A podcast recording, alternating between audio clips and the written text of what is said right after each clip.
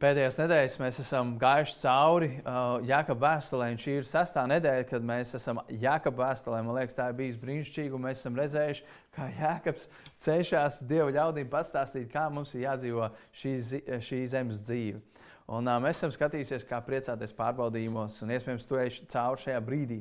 Varbūt tās piecas nedēļas atpakaļ tev tas nebija aktuāli, bet šorīt tu ej cauri pārbaudījumiem ej atpakaļ uz pirmo šīs svētdienas sēriju reizi un noklausies, kā priecāties pārbaudījumos. Un mēs skatāmies tālāk, kā Dieva vārds mums ir vajadzīgs, un, un, un, un kā nevērtēt no sejas, neskatīties uz vaigu, un, un par to, cik ticībai jābūt dzīvai. Un mēs runājam pagājušajā reizē par mēli, atcerieties, cik svarīgi ir savaldīt savu mēli, jo tas, kurš valda par mūsu mēli, valda par mūsu dzīvēm.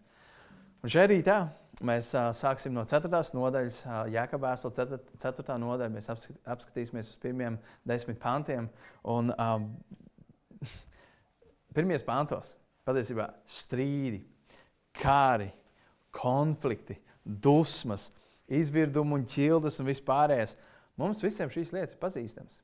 Iespējams, kad šajā rītā kādiem no jums jūs domājat, ka jūs uztaisīsiet savu kafiju, maizītes sasmērēsiet un apsēdīsieties pie dīvāna un skatīsieties dievkalpojumu, bet tad varbūt bērns neklausīja, varbūt vīrs neklausīja, varbūt sieva neklausīja. Vienalga, kas notika. Un sanāca uh, rāšanās, sanāca strīdi, sanāca karot savā starpā. Varbūt tas bērns plēsās, nevarēja sadalīt LEGO vai tam līdzīgi. Es nezinu, kas tas ir. Varbūt tas suns tev tev bija jāizved laukā, un tieši viņam vajadzēja tajā brīdī, kad dievkalpojums sākās. Es nezinu. Bet mēs visi šīs lietas piedzīvojam. Un, un arī, diemžēl, man jāsaka, ka arī šīs lietas, kā strīdus, ķildus, dusmas un tam līdzīgi, mēs piedzīvojam draudzēs.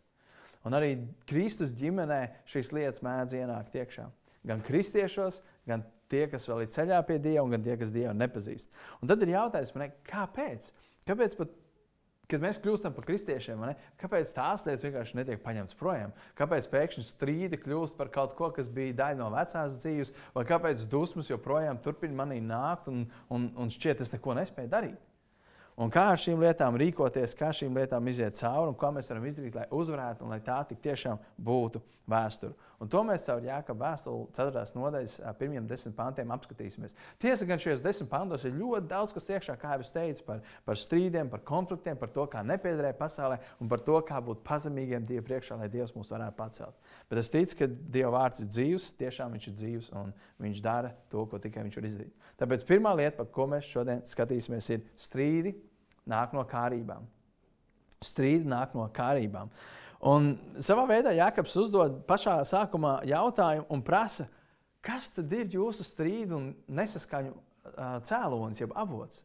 Un es gribu, ka mēs varam skatīties un lasīt pirmo pāntu. Viņa atbildīja, tie nāk no jūsu kārībām. Lasām pirmo pāntu, no kurienes kari, no kurienes cīņas jūsu starpā. Vai ne no turienes, no kārībām? kas cīnās jūsu locekļos?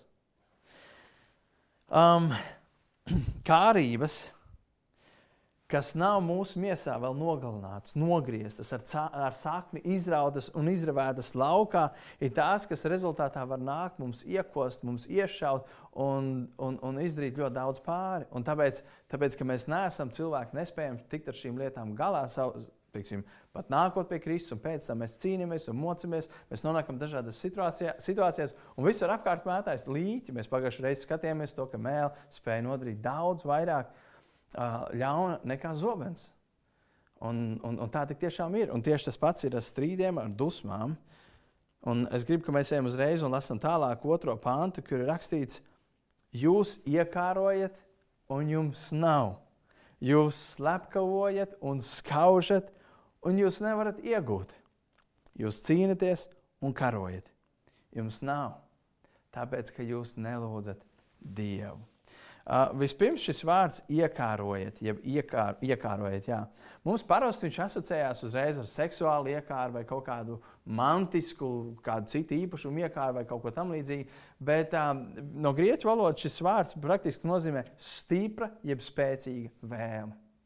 Vienalga, kas tas būtu. Jā, tā var būt seksuāla vēlme, tā var būt mantišķa vēlme, bet tā var būt jebkāda cita vēlme, kas tev ienāk. Slāva, gods un vispārējais. Stipra, jeb spēcīga vēlme. Un, um, tas, tas, pats, tas pats, ko mēs runājam pagājušajā reizē.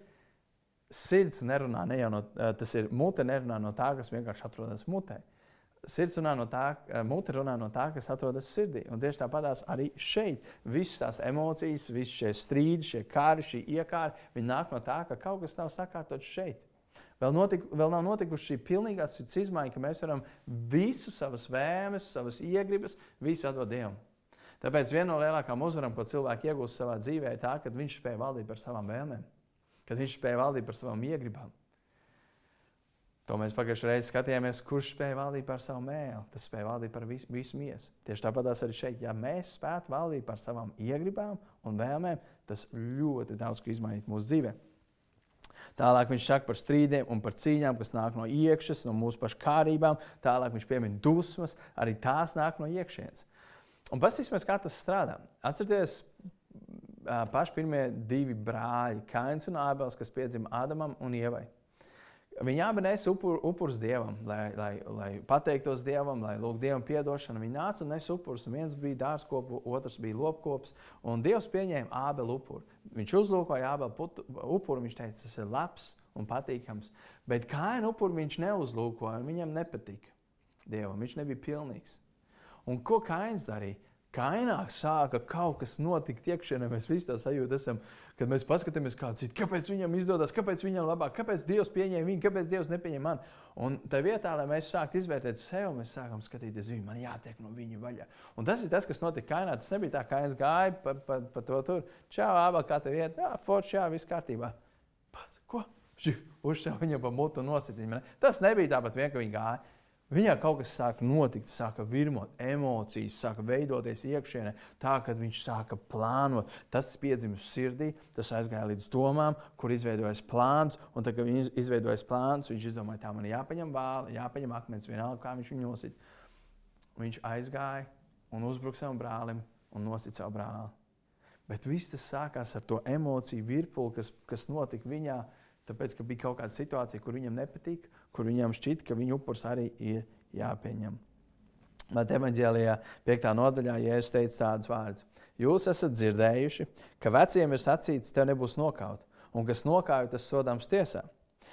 Tad tas bija tas, kas bija vecā derība teikts. Tad, ja tu nokauj, tu tiec tiesāts. Nākošais viņš saka, bet es jums saku, kas uz savu brāli dusmo, tas sodāms tiesā. Citiem vārdiem sakot, Nav starpības starp to brāli, kurš nokāpa, un starp to brāli, kurš dusmo, jā, jo abi ir sodām tiesā. Bet, kas saka uz savu brāli, muļķis, tas ir sodāms augstā tiesā.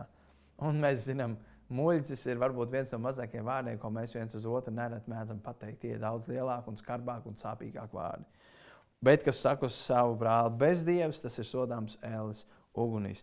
Mēs ieraugām to, ka Jēzus saka, jūs sakat vienu, jūs esat mācījuši vienu, bet es jums saku citu līmeni. Pat ja tu dusmo. Jo Kains savu brāli nenokāva, tāpēc ka viņš vienkārši viņu aizgāja nokāpt. Tāpēc, ka vispirms kaut kas sāk rasties viņa sirdī. Dusmas, ar kurām viņš netika galā. Slepkavība patiesībā nav nekas vairāk kā ārēja izpausme tam, kas notiek tavā iekšienē, kas notiek ar tavām emocijām. Nereti mēs esam dzirdējuši to, ka cilvēks, kurš ir nikns, viņš saka, kas bija tik dusmīgs, kas būtu bijis gatavs viņu nosist. Es, kad biju maziņš, Man, man, tad, kad man nokaitināja, laikam, manas māsītes vai kaut ko tādu, es gāju ņemt cīru. Es teicu, es jūs nositīšu. Es nezinu, vai es gāju ņemt, es ceru, ka es neņēmu cīru, es zinu, ka es nevienu esmu nosits. Bet tajā brīdī tas gatavs ņemt cīru un, un nosist savu tuvāko. Tas ir briesmīgi, kas notiek cilvēkā, kad šīs dusmas pārņem viņu. Bet iespējams, jūsu ikdienās, tu esi darbā, boss tevi neieklausās, vai citi kolēģi tevi noignorē, vai tu viņiem lūdz kaut ko izdarīt, viņi neizdara, un tu nonāc šajā, un viss stress, kas notiek, man un tu vienkārši jūti, ka kaut kas tevī sāk veidoties vienu dienu, otru dienu, nākšanu nedēļu, mēnesi, un tu dzīvo šādā virpulī, un vienkārši vienā brīdī tev, saproti, ka tu esi dusmu pārņemts un tu visu kaut ko savā galvā izdomājis. Varbūt tas skolā, īpaši tagad, man, es esmu dzirdējis, ka daudziem jauniešiem tā lielākā problēma ir tā, ka, kad viņi kaut ko nesaprot, nu, skolnieki, viņi nevar aiziet pajautāt. Man, tad jāraksta ēpasts vai tur jāpiezvana tam līdzīgi. Bet, tad, kad tu biji klasē, klātienē, hei, skolotājs nesaprāt, un viņi tev paskaidro. Un, un tas viss, ka tu nesaproti, tev ir mājas apstākļi, kādiem varbūt tās internets nav pietiekoši ātrs, varbūt uzkarās zūms, dators, varbūt uzkarās vai vēl kaut kas. Un viss šīs lietas tev sāk veidot, tu brālis, noskins suns, un tad kāds tev pasaka, hei, kaut ko vai piezvanīt telefons, un tu palaidi garām visu to. Un tas tevī sāk veidot kaut kādas emocijas vai, Vai, piemēram, tu steidzies mašīnā, te kaut kur jāskrien, tu vēl izskrien ārā no mājas, un tu visur, kur tu brauc, visur trāpās ceraknē. Tad kāds mācībnieks izbrauc, izbrauc priekšā, ne? un tu vienkārši uzvirmo tajā mašīnā. Un, ja cilvēks no malas redz, liekas, kas tev kaiš, man neko tu ņemies. Bet te ir vesela virkne situācijām, lietām, kas ir notikušas pirms tam. Un tieši tā paša mēs varam piedzīvot draudzē. Mēs varbūt darījām kaut ko ar tīrāko sirdi, kalpojām uh, un, un, un, un devām visu no sevis. Kāds atnāk un pasakā, varbūt nu, zini, es varēju labāk, vai nebija labi, vai kāpēc tu nedarīji tā, tu taču varēji tā darīt. Tev sāpīgi, tev pasaka kaut ko, un kas notiek tagad tevī, ko tu vispār man saki. Un tur sākās šie, un, un tas ir tas, ko viņš saka pašā pa, pa, pirmajā pantā. No kurienes tad ir šie kāri, no kurienes ir šīs ķildes, no kurienes nāk visas šīs lietas? No kārībām, kas ir jūsos. Un tāpēc pat, ja kāds mums atnāk kaut ko pateikt, to izdarīji pareizi vai to neizdarīji pareizi, kāpēc tā nedarīji.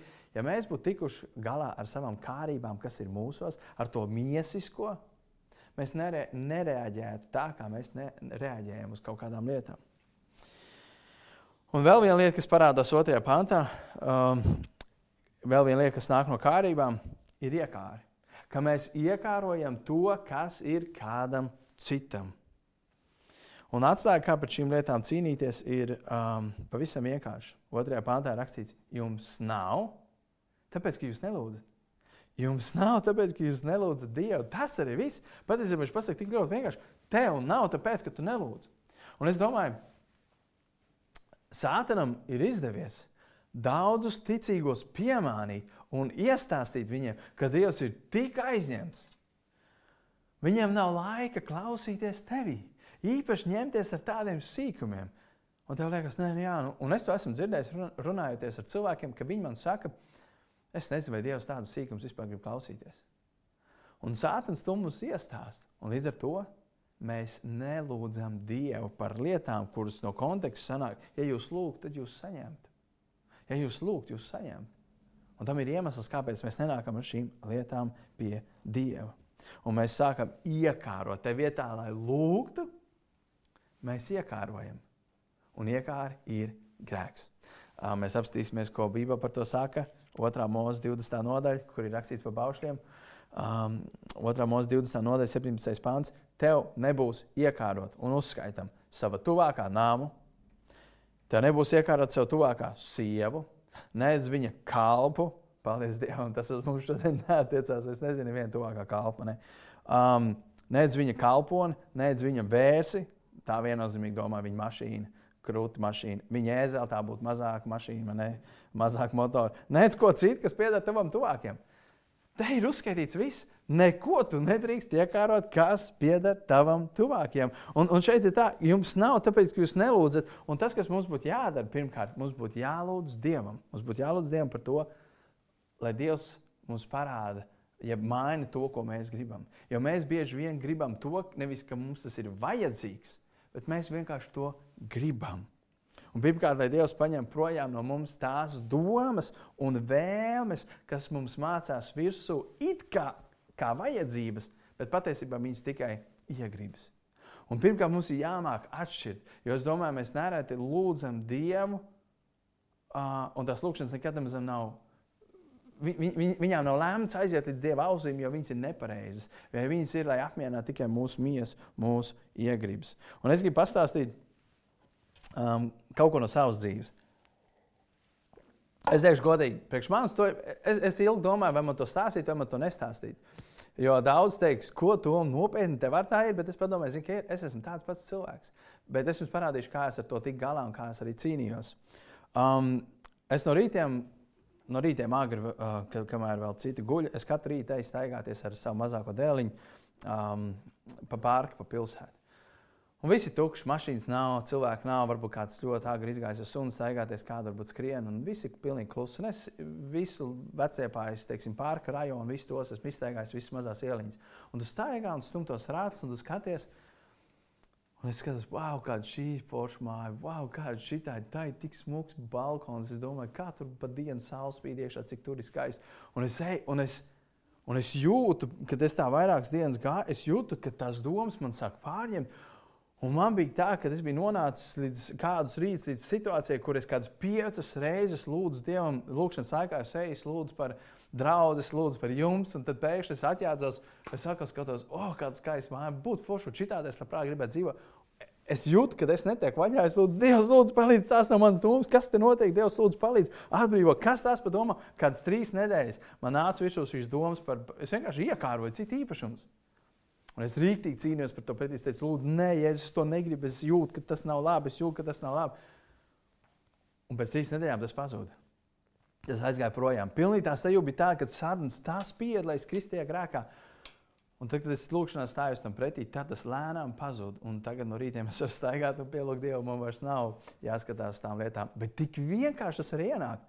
Un pirmo nedēļu es iespējams to nepamanīju. Bet tad es saprotu, kas notiek, ko tu dari. Un iespējams, tavā dzīvē līdzīgi. Es nezinu, kas ir tas, ko tu iekāro savā ikdienā. Varbūt tas tu skaties uz citu ģimeni, tev liekas, wow, ja man būtu tāds vīrs kā viņas vīrs, ej, tu nost. Es būtu reāli laimīgs.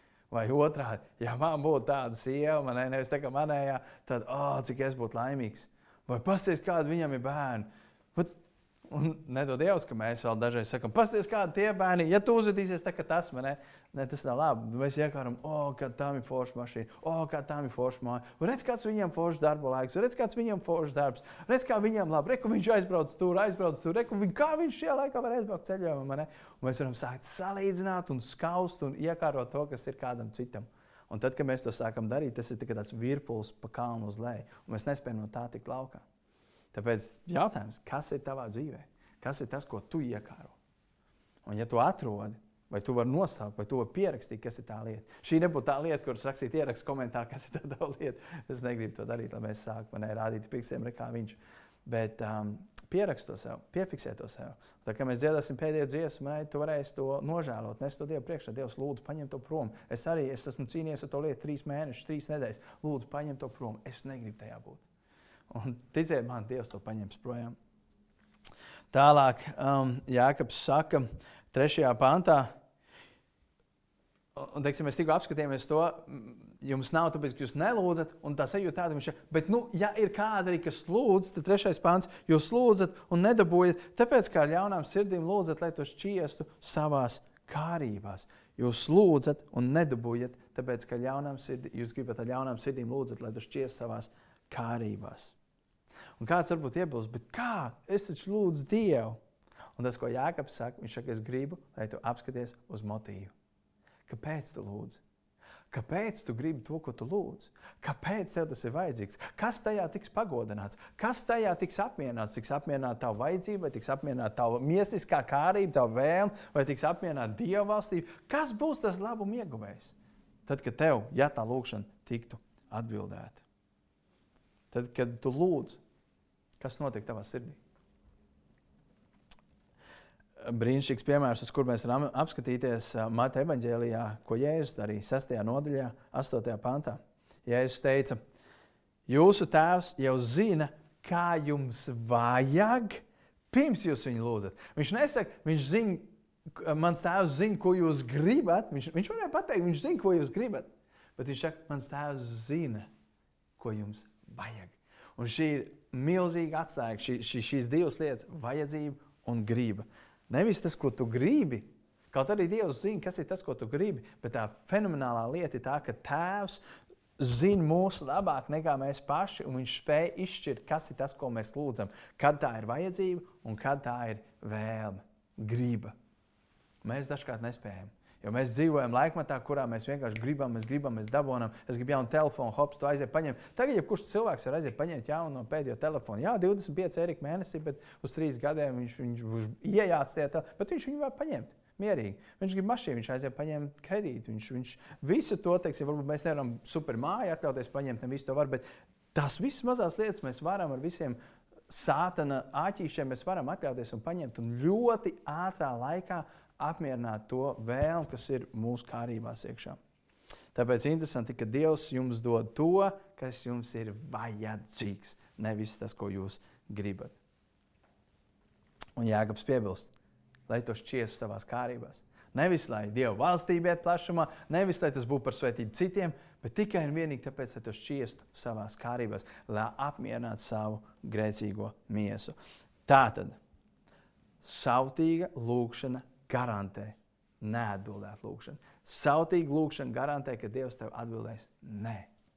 Līdz ar to viss, kas mums ir jāatbild, vai man lūkšana ir sautīga, vai viņa ir uz mani vērsta, uz manām interesēm vērsta, uz manu gribu, uz manām vēlmēm, vai tomēr man lūkšana ir, lai tā būtu par svētību citiem. Jo Dievs vēlas, lai mēs būtu Dieva valstības cilvēki, lai tas, ko mēs lūgtu, lai tas, ko mēs gribam iegūt, lai tas ceļ Dieva valstību, lai Dieva valstība iet plašumā, lai tajā nebūtu mans labums, bet Dieva valstības labums. Un, ja mums ir savtīgs sirds, un mēs pieceļ, pieķeram, un tu vari pateikt, zini, jā, īstenībā mans lūkšanas bieži ir savtīgs, tad atkal brīnišķīgi, piemēram, mums ir atstājis Jēzus Lūkas evanģēlijā 22. nodaļā. 42. pantā, kur rakstīts, un Jēzus sacīja, Tēvs. Un tas ir brīdī, kad viņš atrodas ģēdzemanas dārzā, un viņš ir pārbies, un viņš saprot, ka viņam priekšā stāv mocības un krusts, un viņš lūdz Tēvs, ja tu gribi, ja tu gribi, ņem šo biķeri prom no manis, tomēr ne mans, bet tavs prāts, lai notiek. Kas bija Jēzus lūgšanas centrā? Kāds bija Jēzus motīvs? Viņš teica, Tēvs, kā tu gribi. Un lai notiek tavs prāts, šeit parādās Dieva griba, Dieva prāts, un Jēzus saka, un mana griba. Mana miesīgā, savā miesā, jā, es esmu pārbies, es to negribu, bet Tēvs, ja tava griba, ja tavs prāts ir tāds, lai tas notiek, tad es esmu gatavs kāpt uz krustu, es esmu gatavs tikt piesists, nopērts un pazemots. Ja, ir prāt, ja tas ir tavs prāts un tā ir tava griba, es to gribu darīt. Un es domāju, Mēs, kristieši, bieži vien esam mācījušies pareizos šablonus, kā mums lūgt Dievu. Mēs sakām, Jā, Dievs, lai notiek tavs prāts, tā kā tu gribi. Āmen. Un tagad beidzās āmen. Dievs, nu kāpēc nenotiek? Kad es lūdzu, cik reizes tev lūdzu, kāpēc nav? Man, mēs it kā sakam, mēs, mēs pieliekam tādu pareizo, tā kā āmen, man ir jāsaka āmen, āmen, ok, bet mēs pieliekam tādu pareizo šablonu, Dievs, ja tu gribi. Mēs izklausāmies ļoti svēti, bet patiesībā mūsu motīva nemaz nav izdabāt, jeb uh, izpatikt Dieva gribai un ļaut, lai Dieva griba notiek manā dzīvē, bet lai mana griba notiek. Tad, kad Jēzus lūdza miesiski, vai viņš gribēja, ka viņi to līdzi pērs, ar kulakiem sitīs, spļaudīs, ar pātagām muguru vienkārši atlaisīs vaļā, ka viņš būs vienkārši asiņaini gaļa, kas mētāsies, pēc tam tiks pazemots, piesis krustā un karāsies pie krusta, un viņam zobeni iedurs sānos. Un, vai viņš to gribēja? Nē. Bet viņš teica, tēvs, ja tas nozīmē, ka Toms, ja tas nozīmē, ka tu, ja tas nozīmē, ka visa pasaule caur to varēs nākt pie tevis, oh, jā, Dievs, lai notiek tavs prāts, lai tā notiek, lai notiek tavs prāts. Un tas man aizved pie nākošā punkta. Kurš ir draugos ar šo pasauli, tas ir ienaidā ar Dievu. Tas, kurš ir draugos ar pasauli, viņš ir ienaidā ar Dievu. Redzi, kristietībā un ticībā uz Dievu nav vidusceļa. Tu nevari sēdēt sētā uz žoga un teikt, zini, es vēl neesmu izdarījis izvēles, teikšu pa kreisi vai pa labi. Nav vidusceļa. Tu vai nu esi draugs vienam, vai ienaidnieks otram, vai ienaidnieks pirmam un draugs otram. Bet tu nevari būt paziņa abiem. Nē, nē, es pazīstu vienu, es pazīstu otru. Nav tāds, tu esi draugs vienam un ienaidnieks otram. Lūkas evanģēlijā 11. nodaļā Jēzus saka tādus vārdus: Kas nav ar mani, tas ir pret mani. Kas ar mani nesakrāja, tas izkaisa. Mēs teiksim, nē, nē, nē, nē, es jau ticu Dievam, es neesmu pret Dievu. Un es to bieži dzirdu. Viņi saka, nē, es neesmu pret, es tiešām ticu Dievam. Es tiešām ticu, ka Dievs ir radījis pasauli. Tad, kad cilvēks parasti pasakā, Dievs, man tāds ok, izskatās, ka uh, Dievs, bet ne jau vārdos vien. Bet cilvēki neredz, saka, nē, nē, es jau neesmu pret, bet es neesmu arī par. Um, un tu pa vidu nevari būt. Otrajā pasaules karā Es domāju, visos karos tā ir bijis, bet nu, teiksim, Otrajā pasaules karā bija divas frontes. Viena fronte un otra fronte. Un tad pie vienas frontes pievienojas čūpiņu valsts, pie otras pievienojas čūpiņu valsts. Un tad bija kādas valsts, kuras teica, mēs negribam piederēt nekur. Kaut arī pa kluso viņi tur varbūt kādā pusē piegādāja kaut kādas varbūt medicīnas preces pārtikas, bet bija piemēram Spānija, Īrija, Šveice, kuras palika neitrāls. Viņi teica, hei, mēs nekur nepaliksim, mēs paliksim neitrālajā pusē. Un man liekas, ka tā ir lieliska bilde tam, kā šodien gan ticīgie, gan neticīgie izvēlās savu pozīciju.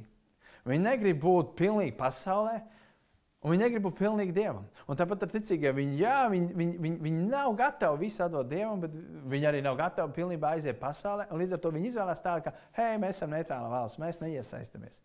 Bet Jēzus pateica, tā, tu vai nu esi ar mani, vai nu pret mani. Tu vai nu krāji debesu valstībai, vai tu izkaisi. Ir divi, tikai divas opcijas. Un um, jautājums tev šajā rītā, kā tev šķiet, kā, kurā pusē tu esi? Vai tu zini, kurā pusē tu esi? Vai tu tā kā draugs esi pasaulē? Un vai tu esi draugs Dievam? Un, un tas varbūt tas mēs teiktu cilvēcīgs stulbākais ir tas, ka ah, kāpēc nevar būt divi draugi? Kāpēc gan tev būtu draugs pasaulē, bet es gribu būt arī draugs Dievam? Jo, ja tu būsi draugs pasaulē, tu uzreiz kļūsi par ienaidnieku Dievam. Bet nē, tas drausmīgi, briesmīgi skan. Drau, Dieva ienaidnieks, uh, nē, Dievs, lūdzu, nē, es negribu būt.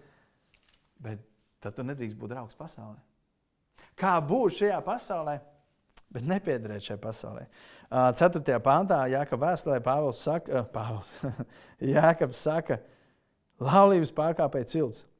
Vai jūs nezināt, ka šīs pasaules draudzība ir dieva ienaidība. Kas nu gribētu būt pasaules draugs, tas nostājas par dieva ienaidnieku. Wow! Kas grib būt pasaules draugs, tas nostājas par dieva ienaidnieku. Un interesanti, pašā sākumā, 4. nodaļas pānta sākumā, Jānis iedod veselu titulu. Viņš saka, jūs laulības pārkāpējus cilts. Es gribu nedaudz paskaidrot, šis tituls, ja tā var teikt, viņš nāk līdzi pirmās gadsimta kristiešiem, patiesībā vecās derības Izraēla draudzē, un viņš nāk līdz, līdz pat mūsdienām. Jo viņš saka, jūs it kā sakat, ka jūs kalpojat man, jūs it kā vienu dienu nākat un nesat upurus man, bet nākamā dienā jūs ejat un pielūdzat citus dievus. Viņš saka, tā nevar būt. Elīja, atcerieties, pravietis, viņš teica, izvēlieties, kuram dievam jūs kalposiet. Pietiek klibot uz abām pusēm, uz diviem krāsiem sēdēt nevar. Vai nu jūs kalpojat dievam, vai nu jūs kalpojat bālam, bet jūs abiem kalpot nevarat. Izvēlieties. Viņš to saka. Un šeit mēs redzam tieši to pašu. Šeit, ah, un, un, un laulības pārkāpēji cilts tie ir tie, kas it kā saka, viņi pieder dievam, bet viņi kalpo arī pasaulē. Un tāpēc Dievs viņus sauc par laulības pārkāpējiem. Un tāpat tas arī šodien. Mēs ejam sēdienas baznīcā, mēs lūdzam Dievu, mēs darām lietas, bet tad ir grupa, ka pa nedēļu no pirmdienas līdz piekdienai viņi dzīvo bez Dieva. Viņiem nav vajadzīgs Dieva vārds, viņiem nav vajadzīgs lūgšanas, viņš dzīvo viduvēju dzīvi. Un viņš patiesībā vairāk, nevis viduvēji, bet viņš vairāk izdeva pasaulē. Viņš vairāk izskatās pēc, pēc, pēc neticīga cilvēka. Un savā ziņā Nav kristietībā garīgā Šveice, vai garīgā īrija, vai garīgā Spānija, kuras pusē te var nostāties un Dievs teiks, nē, nu, forši, tu esi tādā drošības saliņā. Tu kā nebija ar mani, tu kā nebija pret mani. Tā kā viss kārtībā, labi nāc iekšā, baigi daudz sūdzes nesataisīt. Nebūs tā. Tu vai nu sakrāji ar Kristu, ar Jēzu, ar Dievu, vai tu izkaisi, esot pasaulē un dzīvojot pasaulē par godu. Kas man patīk, tāds atsāka vārds, kas varbūt šeit parādās, ir. Um, Uh, draudzība. Ko nozīmē draudzība? Ko nozīmē draugs? Mēs visi saprotam, mums visiem ir draugi. Mums visiem ir draudzības. Mēs sakām, o, oh, jā, šī man ir ļoti stipra draudzība. O, oh, šī man ir ļoti ilga draudzība. Mēs jau esam draugi 20 gadus. Un viena no drauga vissvarīgākajām īpašībām mēs visi piekritīsim, lai viņš ir uzticams un lai viņš ir lojāls.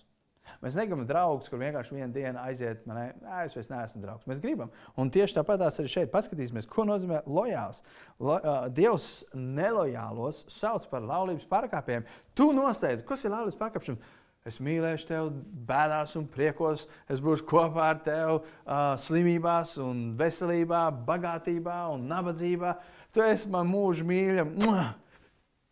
Un tad paiet divi, trīs gadi. Mēs braucam mašīnā, Liema vakar lasīja, kad pagājušais gads bijis laikam pēdējos gados vislielākais šķiršanās gads ar vislielāko šķiršanās koeficientu. Kur palika tie visi saucieni, visi tie apsolījumi, es tevi mīlēšu, un tu būsi man vienīgā, un mēs vienkārši, ko mēs vienu dienu solījām, līdz nāmu šķirs. Mēs izvēlamies vienkārši kļūt par laulības pārkāpējiem, Mums vienmēr ir, protams, attaisnojuši iemesli. Viņš ir tāds, un viņš ir šitāds, un viņš ir šitāds, viņš izdarīja to, un tur notiek strīds, kari. Bet tas viss parāda to, ka ir šīs iekšējās cīņas un, un kari. Bet palielam Dievs saka, jūs esat laulības pārkāpēji. Um, kurš ir draugs Dievam, viņš ir nelojāls pasaulē. Tas, kurš ir draugs pasaulē, viņš ir nelojāls Dievam. Viņš domā kā pasaule, viņš izskatās kā pasaule, viņš dzird kā pasaule, runā kā pasaule, dzīvo kā pasaule. Un tāpēc Pāvils Timotejam otrajā nodaļā teica, neviens atrastamies kara pulkā, klausieties, nepinās ar dzīves darīšanām, lai viņš varētu patikt kara kungam. Neviens, neviens rakstīts, neviens, nevis lielākā daļa atrastamies kara pulkā, vai pusi atrastamies kara pulkā, bet ir rakstīts, neviens atrastamies kara pulkā nepinas ar dzīves darīšanām. Tev vispirms ir jāzina, pie kuras puses, pied, kur, pie kuras puses tu piederi, lai tu zinātu, kuram kara kungam tev izpatikt un kuram kara kungam tev kalpot. Vai kalpo pasaules kara valdniekam, vai kalpo Dieva valstības kara valdniekam, kuram tu kalpos. Jā, Ņemaņģēlijā, ja es teicu brīnišķīgs vārds, kas man patiesībā iedrošina, viņš saka 17. nodaļā, 15. un 16. pantā, viņš lūdz Dievu, viņš, tad, tas ir pie svētā vakarēdiena, kad viņš jau gandrīz iet, nu, praktiski jau ir ceturtdienas vakars, viņš tiks līdz nodots, un tie pēdējie vārdi mācekļiem, viņš lūdz Dievu. Viņš saka, Tēvs, es nelūdzu, lai tu viņus, tātad ticīgos mācekļus, lai tu viņus paņemtu prom no pasaules, tad vienkārši izraut laukā, jo, bet lai tu viņus pasargātu no ļauna, lai tu viņus pasargātu no pasaules, jo viņi nav no pasaules tāpat kā es neesmu no pasaules. Ja es lūgšu, mēs redzam, šajā vietā bija tā, ka viņš saka, es jau nesaku, lai tu viņus vienkārši paņem prom, tāpēc ka te ir tik drausmīgi grūti dzīvot, bet es lūdzu, lai tu viņus pasargā. Lai tu palīdzi viņiem būt lojāliem, lai tu palīdzi viņiem izdarīt izvēli vai nu ar Kristu, vai nu pret Kristu, vai nu tu krās ar viņu, vai nu tu pa, uh, izkaisīsi, esot bez viņa, bet Tēvs pasargā viņus no ļaunā. Bet es nelūdzu, lai viņus paņem prom. Līdz ar to tas ir ok, ka mēs esam šeit. Un mēs varam darīt laicīgas lietas. Mēs varam iet uz futbola spēli, mēs varam iet uz, nezinu, uz kādu, nezinu, aizbraukt ekskursijā, ceļojumā. Mēs varam aiziet uz kafejnīcu, izdzert lāti un parunāties ar savu draugu. Mēs varam visu šīs lietas darīt tik ilgi, kamēr tās teiksim, nejaucas, ja teiksim, izprovocē, ka mēs atstājam attiecības ar Dievu. Ka mēs to vien darām, kā ejam uz futbola spēlēm, uz koncertiem un uz kafejnīcām. Mums ir laiks ar draugu, padzert kafiju, bet mums vairs nav laika no rīta pavadīt 5 minūtes pat ar Jēzu. Būt pie viņa kājām, klausīties viņā, dzirdēt viņa vārdus, dzirdēt dzīves vārdus, kas mūs celt un, un, un, un vest uz priekšu. Tā, tā ir problēma. Tāpēc tas, kurš ir draugos ar pasauli, Viņiem Dievs ir vajadzīgs, lai Dievs dotu viņiem to, ko vēlas viņa grēcīgā miesa. Bet tas, kurš ir draugos ar Dievu, viņam Dievs ir vajadzīgs, lai dotu to, kas viņam ir nepieciešams, lai izpatiktu Dievam un lai Dieva valstī varētu iet plašumā. Un tie ir pilnīgi divi dažādi motivi, motīvi, divas dažādas vērtības. Vienam ir svarīgi, lai man ir tas, ko es gribu, tas, ko man mīlestības grib, un otram ir svarīgi Dievs, tas, ko tu gribi priekš manis. Dievs, kā es varu izpatikt tev, kā es varu būt tas karavīrs, kurš ir kara, um, karā, kurš nepins ar pasaules lietām, ar sadzīves lietām. Kā es varu būt tas, kurš tev ir tīkams? Kā es varu būt rīks, lai tu izprastu savu valstību šajā pilsētā? Izvērtē. Izvērtē, kur tu esi draudzībā ar pasauli. Vai tas ir piemēram darbā? Kā ir tavā darbā? Kāda ir tā motivācija darbā? Vai tu to dari izpatīkams cilvēkiem, vai, vai tu to dari arī Dievam par godu? Tieši tāpat skolā, vai tu mācies Dievam par godu? Visas tās lietas, māmas un tēti, vai jūs audziniet savus bērnus Dievam par godu, nevis lai pasauli viņus celtu un godātu un teikt, redz, kādi viņi ir labi, bet vai jūs ceļat viņus Dieva valstībā, lai viņi mīlētu Jēzu? Tātad šīs pirmās divas lietas, strīds un dusmas, kas nāk no kārībām, un būt draugos ar pasauli, nozīmē būt ienaidā Dievu. Un trešā lieta - Dievs stājas pretī lepniem. Dievs stājas pretī lepniem. Sastajā pantā toties Dievs dod lielāku žēlstību. Tādēļ, tādēļ, ka Viņš dod lielāku žēlstību, raksti saka, Dievs stājas pretī lepniem bet pazemīgiem dod žēlstību. Interesanti, ka Jēkabs runā par strīdiem, par kariem, par ķildām, tad viņš runā par draudzību ar pasauli un draudzību ar Dievu, un tad pēkšņi viņš sāk runāt par lepnību. Liekas, kāpēc Jēkabs piemin lepnību? lepnību? Bet atbildi tajā, tāpēc, ka no lepnības izriet ķildes, kāri, strīdi. No lepnības izriet tas, ka mēs vienkārši gribam palikt pasaulē, mēs izvēlamies labāk palikt pasaulē, nekā mēs staigājam ar Dievu. Sāma pamācībās 13.10 ir rakstīts, lepno starpā ar vienu ir nesaskaņas, bet gudrība mīt tajos, kas, kuri ļauj sev dot kādu padomu. Lepno starpā ar vienu nesaskaņas. Bet labās ziņas ir tā, ka Dievs dod pazemību, žēlstību pazemīgiem. Un interesanti, es tā padomāju, kā tas ir, baigi, baigi interesanti sanāk. Viņš dod žēlstību pazemīgiem. Žēlastība ir tas, ko mēs saņemam, ko mēs neesam pelnījuši.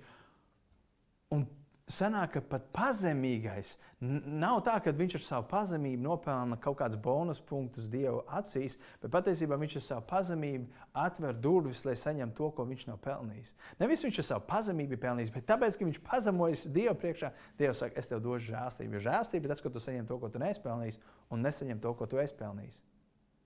Lepnieku pretī viņi stāv lepni un Dievs viņiem žēlstību parādīt nespēja.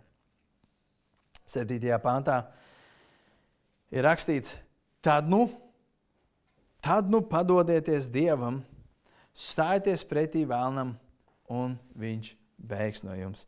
Stājieties pretī Dievam, stājieties pretī vēlnam, Dievam nevajag stāties pretī, stājieties pretī vēlnam, un tad, jūs, tad viņš bēgs no jums. Es tā domāju, kas par brīnišķīgu apsolījumu. Es nezinu, vai kāds Bībelē šo lietu ir. Es zinu, ka dažreiz cilvēki pasīto Bībeles, viņi saka, ar vienu krāstu pasīto apsolījumus, ar vienu krāstu pasīto pavēles, ar otru uh, pasīto kaut ko citu. Es nezinu, kāda šo vietu ir pasītojis kā apsolījumu, jo te ir rakstīts, Sātans bēgs no tevis. Tu vispār spēj noticēt tam, ka Sātans bēgs no tevis. Bet uh, šeit ir viens nosacījums. Pie nosacījuma ja tu padosies, ja kā jaunā tulkojumā rakstīts, ja tu pakļausies Dievam, tad sātans bēgs no tevis. Un patiesībā šeit sanāk, ka tev nav jādara divas lietas. Tev nav jāpakļaujas Dievam un jāstājas pretī sātanam, bet tad, kad tu pakļaujies Dievam, tu automātiski nostājies pretī vēlnam. Tad, kad tu esi Dieva tūmā, sātans no tevis atkāpjas. Man liekas, tas ir tik brīnišķīgs apsolījums. Viss, kas mums jādara, pakļaujas Dievam, un Viņš stāsies pretī sātanam. Un, um, un ir tā, ka sātans bēg no tevis. Nevis tāpēc, ka tu visā godībā, nu ko sātan, nāc šurp, es tev tagad parādīšu. Un tu nostājies un sātans ierauga tavas lielās rokas, tavu lielo ticību. Viņš saka, nē, nē, nē, nē, es labāk bēgšu no tevis. Tas nav tāpēc, bet tas ir tāpēc, ka tu visā pazemībā pakļaujies zem Dieva, un tad Dievs visā savā godībā nostājas tev aiz muguras, varbūt tev priekšā. Un viss, ko viņš redz, ir sātana mugura, kur viņš skrien, cik ātri viņš spēja. Tikai tāpēc, ka mēs pakļāvāmies zem Dieva varenas rokas. Man liekas, brīnišķīga ilustrācija bija kādā multiplikācijas filmā, ko es vēl nesen noskatījos ar bērniem saviem Karalas Lāva.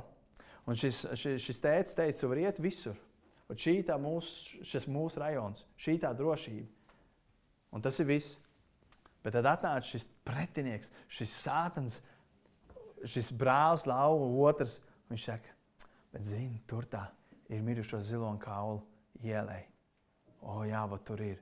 Un šis mazais lauvēns un nepaklausīgais skrien tagad bēg un skrien uz to ielai, un tur viņš ieskrien iekšā pretinieku hiēnas zonā, un hiēnas saka, beidzot, es šo mirkli tik ilgi gaidīju, kad es varēšu iecirst savus zobus lauvas, lauvas dēlu, manai galvenā dēla tajā, un sagaršot, kā viņš garšo. Un tad, brīdī, kad viņi gatavi iecirst uz zobus viņā, tad uzrādās tēvs un izglāba viņu. Un es domāju, tā ir tik brīnišķīga ilustrācija tam. Tēvs neaizgāja prom no tās drošības zonas, bet mēs nepaklausībā izvēlamies aiziet prom no Dieva. Mēs ejam tur, kur ir pretinieka teritorija, un tad mēs brīnamies, ka mums no visām pusēm uzbrūk uh, hiēnas, kas ir dēmoni, sātana dēmoni, minioni, viss, kas uzbrūk mums. Bet Dievs Dievs saka, neaiziet prom no manis, palieciet manā tūmā. Tad, kad mēs pakļaujamies Dievam, Sātans ir tas, kurš beigs. Un mēs esam tie, kas aizbēg projām no Dieva. Un uh, pēdējā pānta, kurus, kurus, kurus vēlos nolasīt, 8 līdz 10, ir rakstīts: Tāpēc tuvojieties Dievam, tad Viņš tuvosies jums. Šķīstiet rokas grēcinieku un skaidrojiet šaubīgie sirdis. Esiet nelaimīgi un vainojiet un raudiet. Jūsu smiekli, lai to pārvērstu vaidos un jūsu prieks skumjās. Zemojieties tā kunga priekšā, tad viņš jūs paaugstinās. Šie pēdējie panti patiesībā ir grēka nožēlas panti. Šeit parādās to, ka grēka nožēla ir zāles pret strīdiem, pret ķildām, pret dusmām, pret slepkavību, pret laulības pārkāpšanu, kā viņš nosauc to draudzību ar pasauli. Un, un, un mums tam ir jāstājas pretī, un kā mēs stājamies pretī, tur rakstīts, tuvojieties Dievam, tuvojieties Jēzum. Iespējams, ir kādi šajā rītā, jūs esat tālu no Dieva. Jūs esat tālu no Jēzus. Varbūt tās jūs bijāt tālāk, un tagad jūs esat nākuši tuvāk. Un es gribu aicināt tevi šajā rītā. Ja gadījumā tu esi nomaldījies no Dieva, vai varbūt tas tu vēl nekad neesi bijis Dieva bērns, un tu tuvojies viņam, tev ir jāatzīst Jēzus Kristus kā savs kungs un glābējs. Tev ir jātic viņam, ka viņš ir vienīgais cienīgs, nu, kurš nomira par taviem grēkiem, kurš samaksāja par taviem grēkiem, kurš izdarīja visu, lai tev nebūtu jādara pilnīgi nekas. Un tas, kas tev ir jādara, tuvojies Dievam. Tuvojies Jēzum, tur rakstīts, šķīstiet, ja mazgājiet savas rokas. Tas ir mazgājiet savas rokas, Jēzus asinīs no saviem nedarbiem. Šķīstiet savus sirds, lai jūsu sirds būtu šķīstas, lai no sirds pārpilnības mūte nerunātu, lai no sirds nenāk tādā strīdi, dusmas, ķildi, kari, laulības pārkāpšana, slepkavība, draudzība ar pasauli. Un tad, kad mēs mazgāsim rokas, šķīstīsim savus sirdis Un to jūs varat darīt. Mēs drīz dziedāsim pēdējo dziesmu. Es teicu, varbūt tas ir kā grēks, kurš tu esi piefiksējis. Varbūt ir kāds lietas, kurš tu esi iekārojis, kurš tev jānožēl. Un varbūt tev ir jāizdara šī izvēle šajā dienā. Kāpēc es šodien neizdarītu izvēli? Pateikt nē pasaulē un pateikt jā Jēzum Kristum. Līdz ar to es gribu aicināt katru no jums atstāt grēku un doties pretī Dieva tūmam, kur mēs tiekam pasargāti no sātana.